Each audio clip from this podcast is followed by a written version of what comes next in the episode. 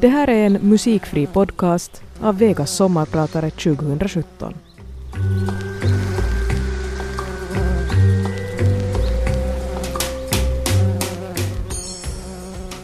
Det är vinter 1917 och ombord på en inte alldeles stor motorbåt ute på öppet hav i Östersjön befinner sig en handfull unga män med förfalskade ID-handlingar.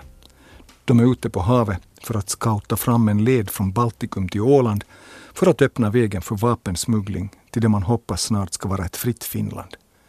Vädret är tufft, mörkt och kallt med storm och slask, ingen sikt, sjösjuka och plötsligt stannar motorn utan förvarning. Maskinisten försöker febrilt få igång elände. Men det hårda vädret, vattnet, kölden, mörkret, utmattningen tar ut sin rätt och man driver ur kurs och mot land någonstans vid den estniska kusten.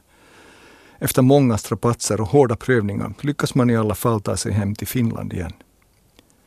Maskinisten blev långt senare jägargeneral och var viktigare för mig, han blev min farfar. Och jag kom att höra historien om hur hav höll på att ta honom och hans kamrater många gånger om. Alltid kryddat med någon ny detalj som jag inte hade hört förut. Bilden om det stora och skrämmande havet blev mera levande för varje gång. Så föddes kanske mitt intresse för det oändliga havet. Eller kanske var det i samband med otaliga turer i skärgården mellan Ekenäs och Ingo i en öppen snurrebåt under tidigt 1960-tal tillsammans med min far. En mäktig och skrämmande tromb som kom emot oss under ett högsommaråskväder i farleden mellan Ingo och Baresund. Vårens första gädda på kastspö i Ekenäs skärgård eller besök på öar med fantasieggande namn och historia från Hästö Busö i väster till Vormö i öster. Eller fågelturer med allehanda strapatser i Ingå skärgård tillsammans med mina vänner från de första skoltiderna i Ekenäs. Eller kanske var det då jag som ung fascinerades av tv-programmen om livet ombord på forsknings och dykfartyget Calypso, signerade Jacques-Yves Cousteau, marinofficeren med den röda pippon som blev havsforskare och som utvecklade den moderna dyktekniken och som hämtade havet och dess liv in i våra vardagsrum. Nyfikenheten, fantasin och spänningen hade väckts. Havet och livet i havet kom att bli mitt intresse, mitt kall, både som forskningsobjekt och som källa för personlig inspiration. Idag ska vi därför ut på en världsomsegling på cirka 50 minuter. Vi ska besöka hav, öar och kuster som har betytt mycket för mig. Jag heter Erik Bonsdorf, jag är marinbiolog och jag är din sommarpratare idag. Havet täcker två tredjedelar av jordens yta och livsrummet i havet är mångfalt större än den yta och volym som erbjuder plats för liv på land. Någonting vi sällan tänker på då vi aningslöst slänger ett bananskal över bord under sommarseglatsen. Livet uppstod i havet för miljarder år sedan och den biologiska mångfalden är betydligt högre i havet än på land. Havet står för över hälften av syre och primärproduktionen på jorden och hyser de mest fascinerande livsformer, både sådana som aldrig så att säga satt sin fot på torra land och sådana som har gjort det och sen under revolutionens gång flyttat ner i vattnet igen, som till exempel valarna, dessa mäktiga havsdäggdjur som människan i sin aningslösa girighet nästan lyckades utrota. Människan har alltid använt havet som transportled, först ofrivilligt och sen mera organiserat. Och förstås har vi också använt havet som källa för mat. Än idag skördar folk snäckor, musslor, krabbor och alger längs tidvattenstränder jorden runt. Samtidigt som storskaligt fiske kommit att i grunden ändra förutsättningarna för födovävarna i hela oceaner. Och under de senaste hundra åren har vi i allt högre grad använt havet som avstjälpningsplats. Tänk bara på de enorma mängder plast som bildar gigantiska konstgjorda miljöer, undervattensöar, ute i de öppna oceanerna.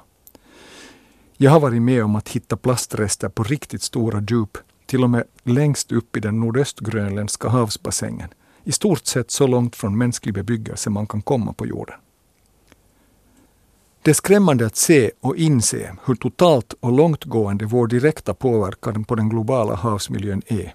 Vi, människan alltså, har misshushållit med havet och får nu betala notan då fiskbestånden kollapsar eftersom vi fiskat ner det man trodde var outsinliga bestånd och eftersom klimatet som snabbt blir varmare ändrar förutsättningarna och spelreglerna för livet i havet på en global skala. Det är inte utan fog Man kallar den geologiska epok vi nu lever i för antropocen, människans tidsålder. Har då livet i havet och med det vi själva en chans på sikt? Svaret är jo. Havets ekosystem kan repa sig men det tar tid och de varor och tjänster som ekosystemet består oss med och som vi i framtiden kan komma att utnyttja ur havet kanske inte de samma som idag. Vi kommer säkert att äta mera sånt som vi själva odlat i havet snarare än sånt som vi har fiskat. Vi kommer att äta organismer som vi aldrig trodde att vi skulle röra i, som till exempel maneter eller alger, som redan odlas och skördas i stor skala i Asien. I den processen kommer vi att ytterligare påverka havet, både dess ekosystem och dess estetiska värde. Idag lever cirka hälften av jordens befolkning inom knappt 60 kilometer från kusterna och i vissa länder är upp till 90 procent av kustlinjen redan utbyggd, så trycket på kustmiljöerna och på havet stiger hela tiden. Vi måste alltså lära oss att anpassa oss efter utbudet, att handskas varsamt med livet i och kring havet. Ett utmärkt sätt att göra det på är att visa respekt då vi reser, att lära känna havets invånare.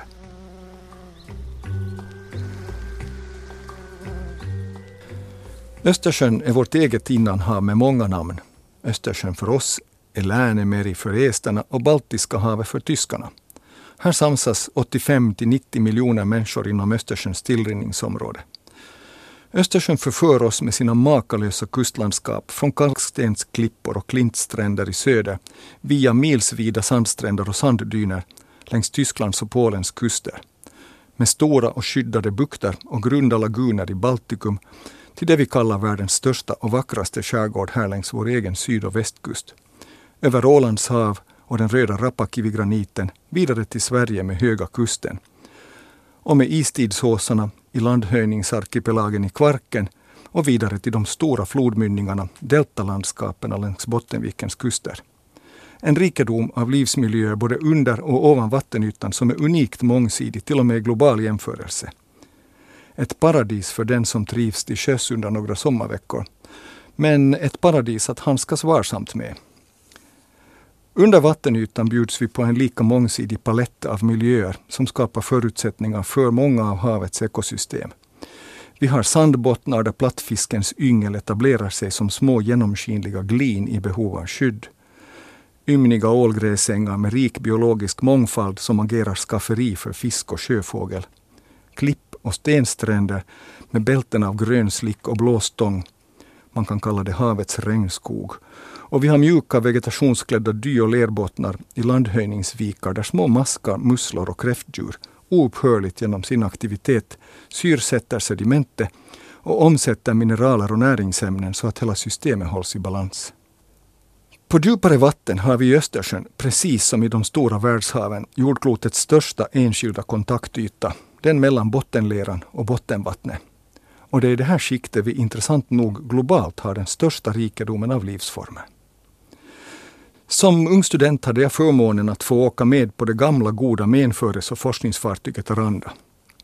Allt sedan tidigt 1960-tal gjorde finländska forskare banbrytande insatser inom havsforskningen i öppna Östersjön under månadslånga seglatser. Grunderna för vår marina forskning hade lagts redan långt innan och Finland kan stoltsera med en lång räcka namnkunniga havsforskare ända sedan sekelskiftet 1800-1900. Under de här resorna som jag fick vara med om arbetades det i tre skift. Alla jobbade hårt och alla hade roligt. Vi besökte hamn så gott som varje veckoslut och jag fick uppleva hamnkrogen utanför Kemi, spritlangare i hamnarna i Björneborg och Hangö och förstås i utlandet. För några mark kunde den aspirerande havsforskaren köpa en flaska någonting som då det togs hem snabbt hälldes ut efter en första klunk finkelsprit. Att i midsommartider anlöpa Visby på Gotland eller Rönne på Bornholm, att se fyren Långe Jan på Ölands sydspets, att på avstånd se stadsprofilen av Köpenhamn, det var storartade upplevelser. Att långt innan jag sen kom att jobba på Husö biologiska station på Åland få besöka den åländska skärgården och Mariehamn, som smaka utland för en ung student från fastlandet, gav mig också insikter om havsmiljöns mångfald och en evig kärlek för det fantastiska hav och den makalösa kust och skärgårdsmiljö vi har framför oss med alla sina pärlor av natur och folk. Alla dessa erfarenheter gjorde dessutom att jag förstod att det var resan som var äventyret, inte enbart den rationella målsättningen med arbete. Havsforskning fungerar just så, som en resa med makalösa anhalter. Det är alltså värt att sticka huvudet under ytan och ta sig en titt. Men varför ser det inte riktigt ut som det jag nyss beskrev? Varför täcks våra stränder av slemmiga trådalger?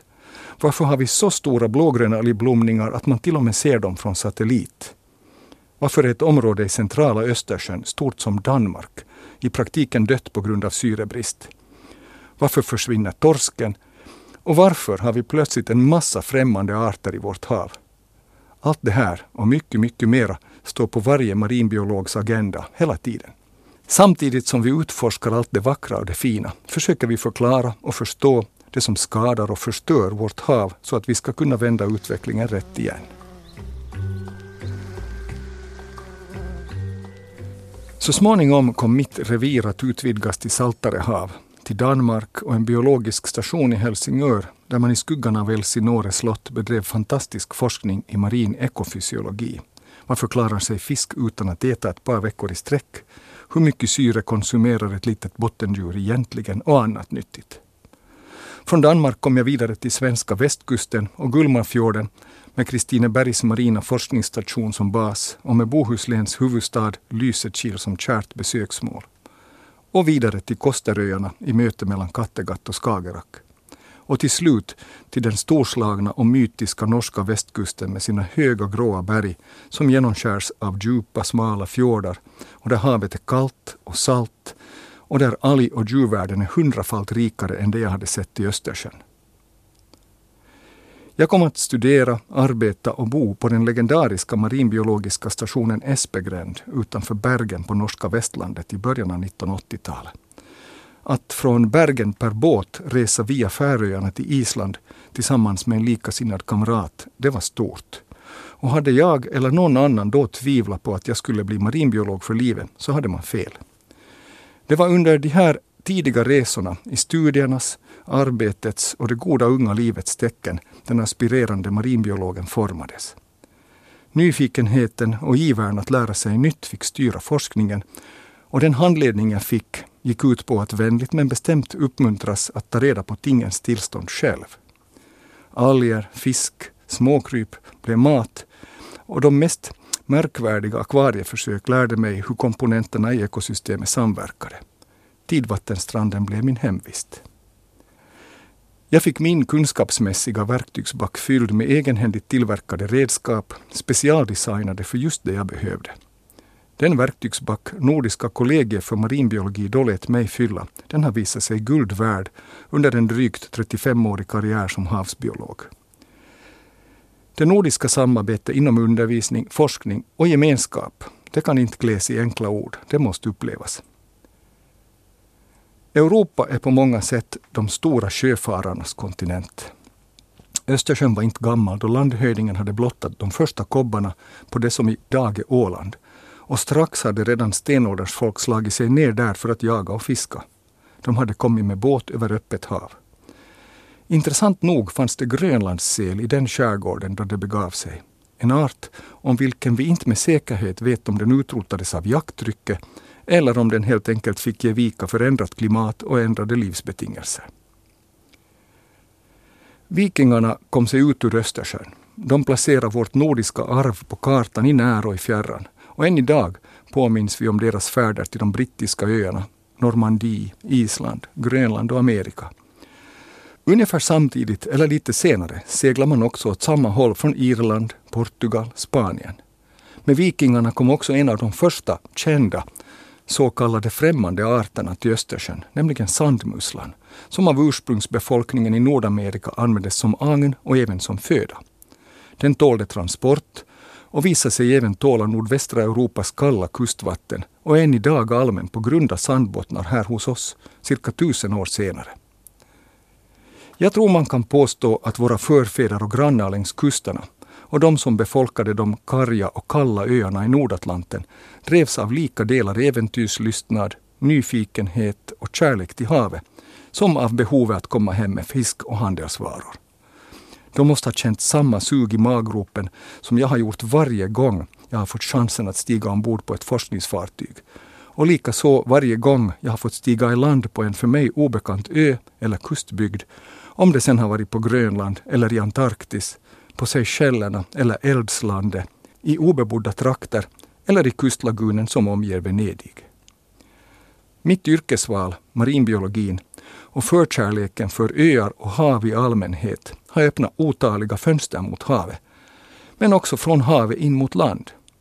Jag får gåshud vid blotta tanken på att se den magnifika grönländska kusten sticka upp oändligt långt borta i horisonten efter en rullande överfart från Tromsö ombord på en forskningstrålare. Med åren har den nästan barnsliga ivern att se och göra allting själv lagt sig lite. Jag dyker inte längre och numera är det mina medarbetare, studenter, doktorander och yngre forskare i början av sina karriärer som får göra allt det roliga, kalla och våta grovjobbet. Sticka huvudet under ytan för att sen kunna se över den igen med nya ögon. Den arbetsfördelningen har istället gett mig chansen till några dagars gubbseglats med ett par goda vänner varje sommar. En småskalig upptäcktsresa i vår egen skärgård där det finns många pärlor att hitta och oändligt många historier som behöver ventileras och förbättras lite från år till år. Efter att jag hade doktorerat fick jag chansen att vistas i perioder på marinbiologiska forskningsstationer i många olika länder. I Polen, Skottland, Holland och i Florida. Till Polen fick jag utbytesstipendium och blev väl mottagen i fredens och broderskapens namn. Där blev jag varse om att det gick att bedriva forskning med små medel och jag fick vara med om att smuggla regeringskritiska pamfletter till kollegor som var aktiva inom solidaritetsrörelsen. Skillnaden mellan dem och mig var den att jag som systemets gäst inte blev kollad av polisen, medan en forskare där kunde bli inburad för att han hade fel färg på löpskorna. Jag lärde mig mycket mer om människan än om havet den gången. I Holland fick jag se Vadehavet, eller Vaddensee som det egentligen heter, för vad det verkligen är, detta av tidvatten formade låglänta område där gränsen mellan land och hav bokstavligt talat är flytande. Att besöka ön Texel var spännande även för att jag på min farmors sida har en del genetiskt arv därifrån. Kontrasten till vår steniga och mosaikartade skärgård var enorm. Där möttes jag av en monoton lersmörja som blottas då tidvattnet drar sig tillbaka två gånger per dygn. Med en amplitud på cirka 2,5 meter friläggs enorma arealer havsbotten, vilket skapar födoområden för fågel. Och det är fascinerande att se hur både de som söker föda och de som vill undgå att bli uppätna genom årtusendena har specialiserats både morfologiskt och beteendemässigt. På senare år har tidvattenmiljöerna kommit in i min vetenskapsvardag igen och jag har forskat i hur tidvattenstränderna i Bretagne med maximal amplitud på hela 13 meter påverkas av eller anpassar sig till de miljöförändringar som följt med människan. Övergödning, främmande arter, ändrade födovävar. Att ändra sin egen födoväv är inte helt fel just i det sammanhanget. En finsk karelsk pirog med äggsmör byts med fördel ut mot bretonska kreps med färska små räkor och det inhemska rätt blaskiga sommarölet blir starkt smakande grumlig lokal cider och underbara viner. Från Bretagne är hoppet inte stort och så är vi vid öarna i Atlanten, som många av oss är bekanta med från semesterresor. Madeira, Kanarieöarna, Azorerna. Alla utpräglade marina paradis med möjligheter för var och en att lära sig någonting om samverkan mellan hav och land. Dessa vulkaniska öar som stiger brant ur havet skapar uppvärmningszoner där iskallt djuphavsvatten möter varmt subtropiskt ytvatten med en rik produktion som följd och följaktligen med rikt fiske och möjligheter att iaktta havens stora däggdjur på nära håll. Europeisk marinbiologi har haft den goda smaken att ordna vetenskapliga konferenser på många av dessa öar, liksom på öarna i Medelhavet från Balearerna i väster via Korsika, Sardinien och Sicilien vidare till antikens övärld med Kreta, Rhodos och Cypern som resmål. Alla dessa erbjuder fantastiska möjligheter att först väcka och sen stilla sin nyfikenhet kring livet i havet. I vissa fall har vi dessutom ett enastående referensmaterial i form av de mosaiker som folk för länge sedan gjorde för att pryda sina väggar och golv. Där kan vi avläsa vad man köpte på den lokala fiskmarknaden och sen är det bara att jämföra med dagens utbud. Dessutom erbjuder alla dessa öar goda möjligheter till snorkling eller dykning. Man lär sig bäst genom att se själv. Se själv har jag också fått göra i samband med resor till de paradisiska ögrupperna Maldiverna och Seychellerna, som erbjuder någonting av det finaste man kan uppleva i dykväg. Jag har även haft förmånen att få dyka vid Stora barriärrev i Australien och i Röda havet och på ett antal andra ställen. Att få uppleva korallreven innan de bleks totalt, medan de ännu är ofattbart rika. Att möta en djävulsrocka på 20 meters djup eller att låta sig föras med strömmarna vid korallrevens yttersta branta kant och se stora hajstim både över och under sig, det är magiskt. Kryddar man detta ännu med någon lojt förbisimmande stor havsskyltpadda, ja då blir lyckan fullständig.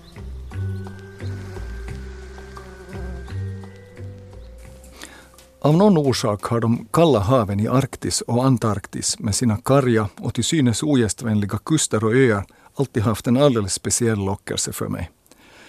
Vår yttersta skärgård här hemma är dramatisk under en vinterstorm i december, men det kan ändå inte jämföras med att från ett rullande fartygsdäck se vulkanön Jan Mayen norr om Island dyka upp i horisonten. Efter att ha upplevt fjordlandskapen mot Norska havet och livet ombord på kustforskningsfartyg krävde min själ någonting större. Öppet hav, saltstänk, antydan till sjösjuka i samband med oförutsägbart väder. Jag hade kommit mig till kusten och öarna på nordvästra Skottland, till Färöarna och Island, allt i marinbiologins och fågelskådningens namn. Jag fick chansen att besöka Svalbard och se den storslagna isfjorden där det tar en hel dag att komma in från havet till huvudorten Longyearbyen. Längst in i isfjorden kalvar den grandiosa Nordenskiöldglaciären och erbjuder en enastående naturupplevelse i sig. Ombord på en båt nära iskanten kan man se hur inlandsisen återför vatten till det hav därifrån det en gång dunstat och fallit ner som nederbörd över land, där isbildningen varit snabbare än avsmältningen. Idag är avsmältningen snabbare än bildningen av ny glaciäris. En konsekvens av människans oförmåga att ta sitt förnuft till fånga och göra någonting för att stävja den snabba uppvärmningen av klimatet i polartrakterna. Jag gav mig alltså tusan på att få komma på havsgående expeditioner till Arktis och Antarktis. Och jag har fått göra forskningsresor i bägge polarhaven. Först som ung forskare med brinnande ambitioner och omättlig äventyrslystnad. Och senare som äldre forskare med fortsatt behov att lära av och förstå våra hav, men också för att få ro i själen. Det finns ingen bättre medicin mot vardagens stress och puls och hets än att stå på däck på ett fartyg med likasinnade människor ombord och få möta blåval, sillval, sejval, knölval, vikval och kaskelot. Dessa havens jättar som i lugn takt tillryggalägger enorma sträckor och som med sin blotta existens inger hopp om att livet i havet trots allt har en framtid. Att ta sig till Antarktis är inte alldeles enkelt, särskilt om man ska arbeta med havets biologi, det vill säga vara fartygsbunden. Jag fick chansen att delta i en svensk och en finländsk expedition i havsområdet kring Antarktiska halvön och i Weddellhavet i samband med att Sverige och Finland byggde sin gemensamma station Nordenskjöldbasen. Att tillbringa tre veckor ombord på ett fartyg från Montevideo i Uruguay innan vi ens var framme i Antarktis var en upplevelse i sig. En dag siktades Falklandsöarna och då började luften kännas kall. Vi kom till den så kallade antarktiska konvergensen och plötsligt följdes vi av albatrosser, petreller och andra havsfåglar. Och de första pingvinerna siktades på de isberg och isflak som vi mötte. Efter en vecka till kom vi förbi Sydgeorgien med den legendariska valfångststationen Grytviken. Vidare förbi South Sandwich Islands på vår väg till fastiskanten där geologer och meteorologer lämnade fartyget för att transporteras till fältbasen. De fartygsbundna expeditionerna kom som genom ett trollslag att röra sig i berömda och beryktade vatten. Jag fick uppleva den rutt den engelske polarforskaren Ernst Shackleton och hans besättning fick genomleva ombord på fartyget Endurance under den misslyckade, men samtidigt heroiskt lyckade expeditionen 1914 till 1916. Fartyget skruvades fast i packisarna och besättningen på 28 man drev med isarna tills dess Endurance smulades sönder och manskapet kom att övervintra under fruktansvärda omständigheter. Namn som Cape Disappointment och Deception Island vittnar om att livet inte var lätt under de tidiga expeditionerna. Shackleton och hans manskap drog, släpade, rodde och seglade sina livbåtar och kom till sist i land på Elephant Island efter över 400 dagar av strapatser och nästan 600 kilometer från den plats där fartyget smulades sönder. Elephant Island måste vara en av de svåraste öar att ta i land på. Jag var med om ett försök och vi kom inte i land utan fick nöja oss med de storslagna vyerna Eftersom ön låg isolerad valde Shackleton att tillsammans med fem man i en sex meters livbåt försöka ta sig till valfångststationen på Sydgeorgien. Det lyckades. Efter mer än tusen kilometer till havs kunde hela expeditionen räddas efter över fyra månaders isolering på Elefantön. Alla överlevde. Bara en person förfrös en tå som måste amputeras. Jag skattar mig lycklig som har fått göra ungefär samma resa ombord på ett isgående fartyg med en varm hytt att kunna dra mig tillbaka till. Det mest dramatiska var överfarten tillbaka till Sydamerika, över Drakesundet mot Kap Horn, där vi möttes av över 50 sekundmeters vindar och fartyget, trots marschfart framåt, de facto stod stilla ett dygn. Det är magiskt att komma in i Beagle Sound, döpt efter Darwins berömda fartyg som i början av 1830-talet passerar genom Magellansundet och anlöper världens sydligaste stad Ushuaia. Jag råkade stå på däck då fartyget ankrat och i soluppgången fick jag se två kondorer makligt glida ner för Andernas sydligaste sluttning. Det var tveklöst en av de största naturupplevelser jag någonsin har haft. Att segla är nödvändigt, har det sagts. För att komma någonstans måste man ta sig över havet. Vikingarna tog sig längs kusterna och floderna runt hela Europa och seglade västerut till England, Skottland, Irland, Shetlandsöarna, Orkneyöarna, Färöarna, Island, Grönland och ända till Amerika långt innan någon hade hört talas om Columbus. De var skickliga navigatörer och våghalsiga äventyrare. Och de visste också hur man skulle proviantera näringsrik och hållbar havsmat för att klara sig.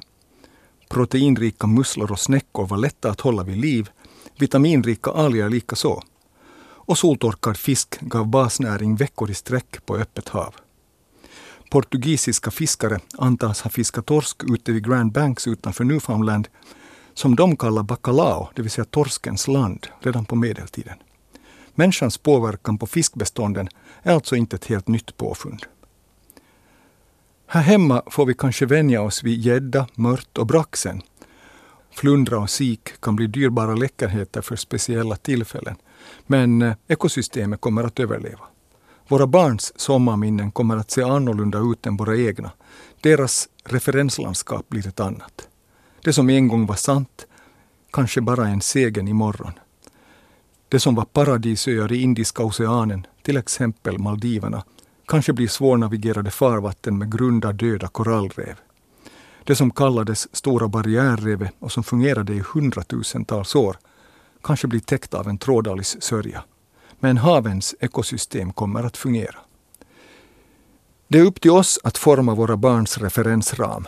Det är paradoxalt att det tog evolutionen miljoner år att komma ifrån blågrönalisstadiet i haven och så tog det människan ett halvt sekel att föra Östersjön tillbaka till algsoppan igen. Det är dags för oss att visa att vi hellre ser ett mångsidigt och rikt liv i havet. Det går att fixa. Naturen kan repa sig. Men det tar tid och det kräver stora uppoffringar av oss. Jag heter Erik Bonsdorf, jag är marinbiolog och miljöforskare och jag har varit din sommarpratare idag. Jag hoppas du gillade resan tillsammans med mig.